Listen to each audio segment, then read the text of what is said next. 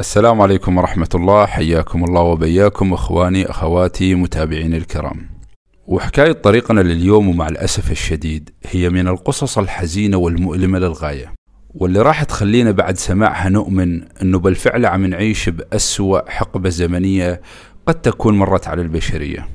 بمعنى بوسط هالغلاء الفاحش صار أرخص شيء دم الإنسان. يعني الواحد منا ما عاد يعرف الطعنة الغادرة والقاتلة من أي جهة راح يتلقاها. لربما تكون من أقرب الناس له. صديق قريب يعني شيء نستجير بالله. فلهالسبب وجب علينا إخواني أن نرتب علاقاتنا كلها من الألف للياء. اسمعوا يا جماعة هالقصة واللي تبدأ أحداثها في 30 يونيو سنة 2020 وتحديدا في بلدي سوريا. كان في شاب اسمه ياسر الصعب. شاب خلوق محترم مؤدب يعني قمة في التواضع. مثل ما يقولون تشوف هالشخص تحسه متربي عشر مرات. رجل آه، بكل ما تعنيه الكلمة من معنى. ملتزم بدينه وشغله وبيته. وعلاقاته الاجتماعية مع أبوه مع أمه مع أخوانه خواته أهل بيته كانت ما تشوبها شائبة أبدا. أخواني ياسر هذا كان نموذج مشرف للشاب السوري المؤدب والمحترم واللي كنا إحنا نفتخر فيه. المهم اخواني ياسر وفي ظل ظروف الظروف اللي عم بتمر فيها البلد. يعني تعرفون حروب وغلاء ومشاكل وين ما تروح وين ما تتوجه. كان دائما يحرص على أنه ما يخوض بأي مشكلة مشان ما يلحق على نفسه متاعب وعلى أهله ويدخل بقصص ما له بيها. الرجل مثل ما ذكرنا سابقا ملتزم بأمور آه، ضمن إطار معين. حتى علاقاته كانت محدودة مع أصدقائه. أما عيبه الوحيد فهي طيبة قلبه. الشخص هذا كان رجل يعني يضع ثقته بأي شخص. يعني شخص يفكر كل الناس مثله.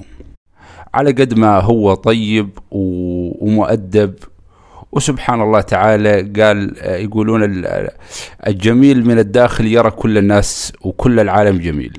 وهذا الشيء مع الأسف صحيح ولكن في زماننا هذا آه، يلحق لك الكثير من المتاعب. أخواني ياسر كان عنده ثلاث أبناء. ابنه الكبير عمره 11 سنة. وبنته الوسطانية واللي اسمها هيفا عمرها تسع سنوات أما ابنه الصغير عبد الرحمن عمره أربع سنوات. زوجة ياسر يعني إيش بدي أقول؟ كانت امرأة بكل ما تعنيه الكلمة من معنى حرفيا. آه يعني زوجة ومدرسة لأطفالها ومطيعة يعني ما شاء الله تبارك الرحمن أخلاق ودين وسبحان من كملها بهالشي. وهذا الشيء مو غريب. طبعا لأن مثل ما آه قيل الطيبون للطيبات والطيور على أشكالها تقع أيضا. أيضا كان زوجها ياسر آه يعني نفس المواصفات تقريبا.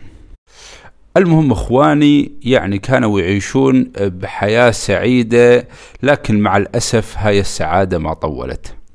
بيوم من الأيام فاق ياسر وزوجته. زوجته راحت للمطبخ مشان يجهز الفطور. أما ياسر راح لبس لباس الشغل وجرت العادة أنه يفيق أطفاله ويقعد يلعب معاهم قبل لا يروح الدوام. يعني تعرفون فترة الفطور وقتها الصبح آه، لمة العيلة. هاي من الأوقات يعني اللطيفة والجميلة بأي بيت. لكن الشيء المتميز اللي كان بهذا البيت ببيت ياسر أنه سبحان الله الحياة تغلي في غلي. يعني متخيلين زوجين صالحين وأبناء وكسب حلال وبيت إسلامي فتحسون سبحان الله البيت قطعة من الجنة. المهم فجأة ويدق جرس الباب. قام ياسر آه، ترك أبنائه بالصالون يلعبون وتوجه للباب مشان يشوف منه الطارق. فتح الباب وإذ فجأة بوجهه صديقه محمد. صديقه محمد حبايبي هذا شاب عشريني ويشتغل محل الدجاج. لكن كان مع محمد آه، شخص آخر. ياسر ما يعرف منه هذا. شخص واقف وشايل بيده حقيبة. فأهلين آه، حياك الله محمد إن شاء الله ما في شيء. قالوا لا لا أخي اطمن ما في كل شيء يسعد صباحك. آه، بس صراحة البارح أنت قلت لي أنه عندك مشكلة تمديدات كهربائية بالبيت. ذكرت لنا وقت كنا نتعلل. البارح المساء وبالفعل كان آه، ياسر ملتقى بصديقه محمد هذا قبل ليلة. فالموضوع ظل ببالي.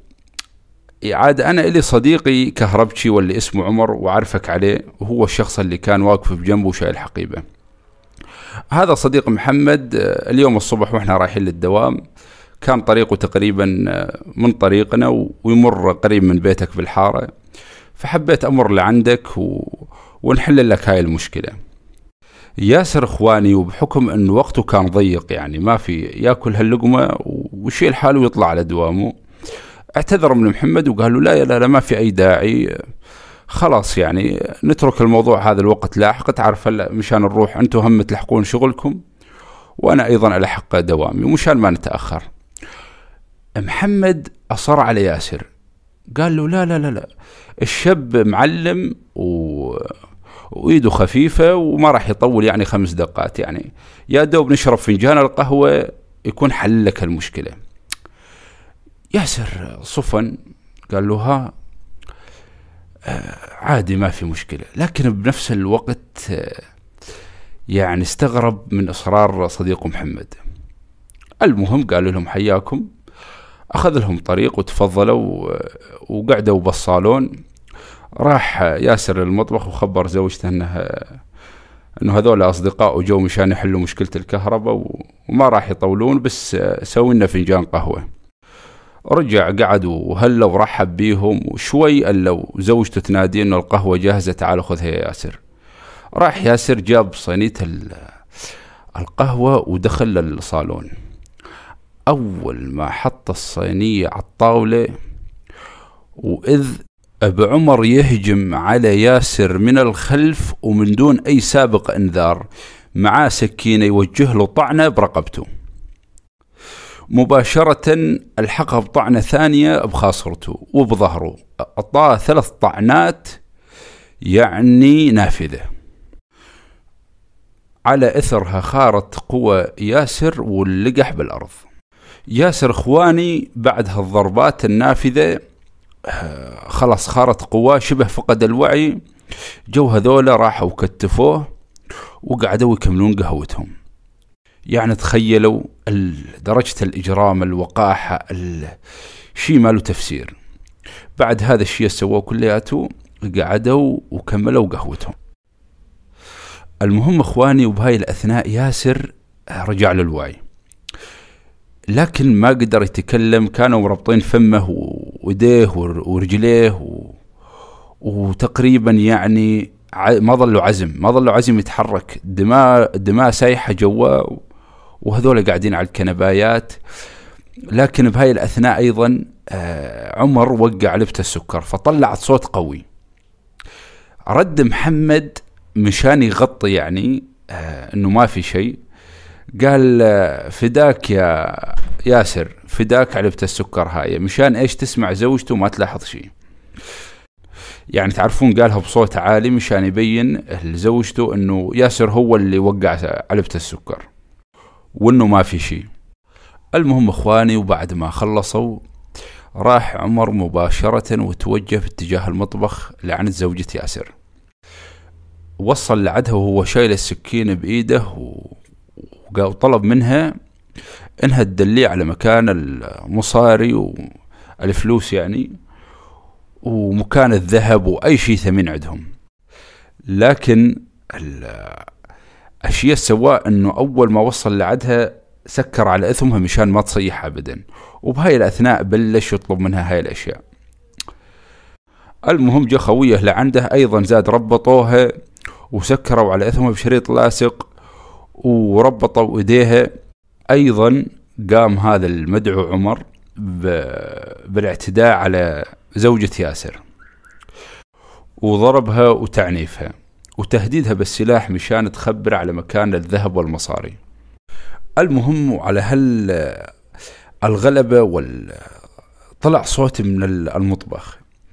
على أثرها اجى الابن الكبير واللي اسمه بشار وعمره 11 سنة وأخته على المطبخ مشان يشوفوا إيش القصة. أول ما شافوا هالمنظر وقبل ما يصيحون هجم عليهم أيضا عمر ومحمد ربطوهم وسكروا أيضا. أثامهم بشريط لاصق ورجعوهم لغرفتهم ورجعوا لعند زوجة ياسر. زوجة ياسر العفيفة وهي ما كانت تقاوم فيهم وتدفع عن شرفها ويعني موقف الله المستعان. قام عمر ومشان يخليها ترضخ يعني بلش يطعن بها بالسكينة ولكن بشكل وحشي وهمجي. فأيضا تقريبا سددت لها عدة طعنات نافذة. المهم اخواني وبعد ما يعني شافوا إن الأطفال شافوهم وشافوا أشكالهم راحوا بكل يعني بربرية وحشية وأيضا أطعنوا الأبناء الكبار. أما عبد الرحمن فخنقوه وأبوه كان يدهق عليه يعني كان يشوفه هم يخنقون فيه. لحد ما قتلوه تماما.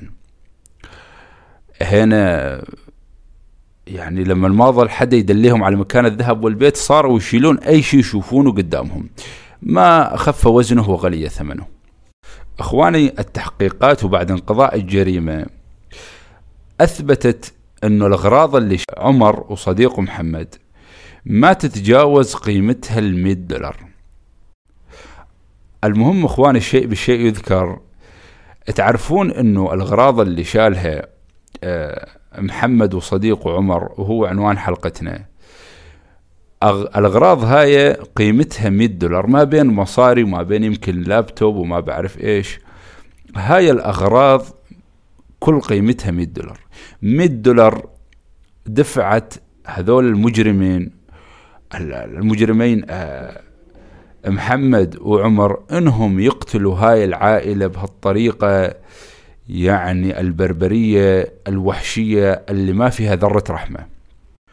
فلكم أن تتخيلوا حبايبي أنه هالعائلة المسكينة ماتت بسبة هالمئة دولار.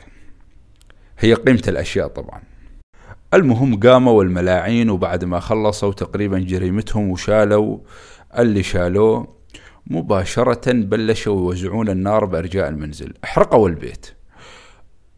احرقوا البيت. والناس اللي بقلبه والناس اللي بيه. قاموا شالوا حالهم وسكروا الباب وراهم وطلعوا. المهم إخواني وبعد ما اسعرت النار بهالمبنى واحد من الجيران شم ريحة الدخان. من خوفه الشديد ركض بأرجاء بيته ما شاف في نار. طلع على جيرانه وبلش يدق على أبواب باب باب. فتل على الجيران كلهم مشان يعرف مصدر الدخان والنار هذا منين. لحد ما وصلوا البيت ياسر واللي كانت النار شابة بيه وقسم منهم راح يبلغ الشرطة ورجال المطافي. المهم إخواني اللي راحوا البيت ياسر دقوا الباب دقوا الباب ما حد عم يفتح الباب. قالوا إحنا إذا نستنى المطافي حتى إذا في يعني أحياء داخل البيت يعني راح ينتهون. فخلينا نكسر الباب. بالفعل كسروا الباب ودخلوا وشافوا هالمشهد الصادم والصاعق أمامهم. أخواني أول ما دخلوا شافوا الزوجة مربوطة والنار شابة فيها والأطفال جنبها أطفالها بجنبها والمشهد كان يعني مرعب مرعب وصادم بنفس الوقت. واحد من الجيران فات على الغرفة اللي كان فيها ياسر وهو كان تقريبا قريب من الباب. وشاف ياسر إن النار لسه ما وصلت له ولكنه سايح بدمه فمباشرة راح لعنده وسحب ياسر خارج البيت. وعرفوا إنه هاي أفراد الأسرة ما في الزوجة لقوها متفحمة هي والأطفال منتهين أما ياسر آه يعني ما كانت النار واصلته لكن أيضا بنفس الوقت ما يتكلم وسايح بدمه فعرفوا إنه لربما يكون ميت. لكن حطوه أمام بيته وانتظروا سيارات الإسعاف وسيارات الأمن لتوصل المهم إخواني وبالفعل إجت سيارات الأمن وسيارة الإسعاف وشالت ياسر وتوجهوا للمشفى. بقدرة قادر ياسر قدر إنه يسترجع وعيه. وبلش يصيح باسم وينادي باسم صديقه محمد. حتى إنه اتصل بأبوه جد الأطفال وقال له إنه صديقي محمد وأبو ياسر إخواني كان يعرف صديق آه، ياسر هذا واللي اسمه محمد. قال له صديق محمد فات على البيت وسوى واحد اثنين ثلاث. قتل أطفالي وطعني ورجع حرق البيت وانهزم. الأب يعني كبت على مشاعره لكن الأهم راح إنه بلغ الشرطة. خاف إنه يصير شيء على ابنه أو عليه هو ويعني ويندثر اسم القاتل هذا محمد. بالفعل بلغ رجال الأمن بالقصة وراح توجه باتجاه ابنه على المشفى. المهم بعد ما وصل أبو ياسر للمشفى وشاف ابنه مغمى عليه وحواليه رجال الأمن ويريد يفهمون شو القصة. آه ما يعني سألوا ان منو حضرتك؟ قال لهم أنا أبو المجني عليه. شو القصة؟ بلغهم إنه محمد خبرني يعني قبل ساعة تقريبا أو نص ساعة و... وخبرني بالقصة من اولها لاخرها إنه صديقه محمد دخل عليه على البيت و... وهو اللي سوى واحد اثنين ثلاث. هو اللي دمر العيلة استغربوا الشرطة منه هذا محمد؟ قال هذا صديقه. صديقه هو اللي غدر بي وسوى بي كل هالقصة. المهم حبايبي وبعد ما سمع رجال الأمن القصة من أبو ياسر وياسر طبعا كان مغمى عليه لا زال يعني. بقدرة قادر يعني الرجل ظل على قيد الحياة بعد هالطعنات العنيفة اللي تلقاها. فتحوا محضر بالقضية رجال الأمن ونشروا الدوريات وعمموا على هالشخصين لحد ما قدروا إنه يلقون القبض على عمر. واللي أيضا آه، بعد التحقيق معه آه، وبضغط من رجال الأمن خلوه يستدرج صديقه محمد عبر إنه يواعده بمكان خارج مدينة دمشق مشان بغرض معين قبل ما يهربون من البلد. بالفعل وبعد ما اجى الموعد توجه آه، محمد للمكان المذكور ولما وصل اكتشف إنه كمين من قبل رجال الأمن. محمد كان شايل معه مسدس. مباشرة بلش بإطلاق النار على رجال الأمن وجرى تبادل إطلاق النار لمدة ما تجاوزت الربع ساعة حتى نفذ ذخيرة محمد واستطاع رجال الأمن أنه يلقون القبض عليه وهو سليم مو مخدوش أبدا. واللي بعدها أيضا محمد اعترف بكل شيء. المهم إخواني تطابقت أقوال المجرم محمد مع أقوال واعترافات المجرم عمر. اعترفوا الاثنين ما بيهم إنه هم اللي قتلوا الزوجة والأبناء الثلاث وياسر اللي ما كان عندهم خبر إنه لا زال على قيد الحياة وهو اللي بلغ عنهم.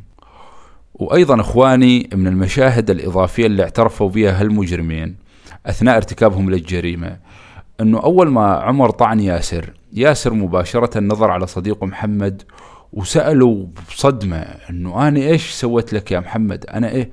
ليش ليش تقتلني ليش؟ أخذ أي شيء بدك إياه بس اتركني واترك عيلتي. لكن مباشرة قدروا إنه يربطونه ويثبتونه وحتى محمد كان معه سلاح وضرب آه، ياسر من الخلف. وتوجهوا أيضا هاي من المشاهدة الإضافية بعد ما راحوا للزوجة. الزوجة قالت لهم أخذوا أي شيء بدكم بس تترك العيلة. وتكسر القلب الطفل واللي اسمه عبد الرحمن اللي كان بجوارها آه يعني بلش يبكي ويقول لهم هاي حصالتي دلاهم أشر لهم على مكان الحصالة اللي هي المطمورة اللي يجمع فيها مصروفه. وقالوا لهم خذوها بس لا تأذون عيلتي لا تأذون بابا وماما. الشرطة وضابط الأمن قال لمحمد سأله قال له أنت إيش إيش راح تقول ياسر في حال شفته؟ رد محمد قال أنا يعني مستحيل أقدر أحط عيني بعينه. ما راح أقدر أقول له أي شيء. واللي اتضح أنه محمد مطلوب بقضايا كثيرة وعنده سوابق أيضا يعني قبل هاي الجريمة منها آه تزوير النصب يعني الجرائم كثيرة. المهم إخواني تم مصادرة المسروقات منهم وتم إحالة أحداث القضية إلى القضاء. واللي زاد القضية يعني حبايبي آه أنه القضية صارت رأي عام. الكل صار يطالب بإعدام هالمجرمين. وبالفعل تم إصدار الحكم بالإعدام شنقا بحق هالمجرمين من قبل المحكمة العسكرية في دمشق. وانقضت حبايبي هالقصة اللي محزنة ومؤلمة للغاية. يعني قصة راحت ضحيتها أسرة بالكامل أطفال وزوجة. وأخونا ياسر ما نعرف شلون حاليا عايش. نوجه له التحية في حال سمعنا. الله يكون بعونه الله يرحم من فقد من أهله يرحم أطفاله ويرحم زوجته إلهي ويلهم الصبر والسلوان. لكن حبايبي اللي خلاني أيضا أذكر هاي القصة مشان تشوفون إيش قد إنه في ناس يعني شبه الملائكة بأخلاقها وبأدبها وبتربيتها. وعلى الجانب الآخر نجد أناس شياطين عديمين التربية والأخلاق والمروءة ناس حرفيا بدون شرف. والمكان الطبيعي اللي هم بالفعل حبل المشنقة. والفائدة من هالقصة أنه يا أخواني لا تضع ثقتك بأي شخص. بالفعل أحذر عدوك مرة وصديقك ألف مرة. يعني لا تكون دائما على نياتك وتظن أنه كل الناس يعني مثلك. لازم تكون حذر بهذا الوقت وهذا الزمن اللي نعيش فيه لأنه زمن اجتمعت فيه الفتن والمصائب اللي مرت بكل الأزمنة وعلى مدى هالأزمنة الطويلة اجتمعت بزماننا هذا. وأيضا أخواني أي واحد يعطيكم ثقة كونوا قد هالثقة. يعني سواء صديق ولا أخ ولا لا تخونون هالثقة. هاي مسألة عظيمة. يعني أنتم متخيلين ياسر بعد هالشيء اللي قدموا لهم وبعد ما دخلهم على بيته وسبحان الله راح يسوي لهم قهوة. أنتم تعرفون شنو معنى إنه الإنسان يدخل شخص على بيته؟ يعني خلاص هذا حسبه من أهله دخله على المكان اللي فيه أهله. يعني داس بساطه فهي مكانة عظيمة. فمجرد ما الإنسان أعطاك الثقة فهو أعطاك شيء كبير وثمين للغاية. فأيضا أن تكون كبير معاه بتصرفاتك تمام إخواني ولحد هنا نكون وصلنا لنهاية قصتنا وأتمنى أني وصلتها لكم بطريقة عجبتكم وإذا كنت أول مرة تشاهد الفيديو لا تنسى الاشتراك بالقناة. وإذا كنت من حبايبنا القدامى والمشتركين القدامى عندنا بالقناة لا تنسى تفعيل زر التنبيهات. ووضع لايك للفيديو وتعليق ينم عن أخلاقكم الطيبة والحميدة ورأيكم بملف هالقضية وهاي نهاية سالفتنا لليوم ونستودعكم الله الذي لا تضيع ودائعه في أمان الله.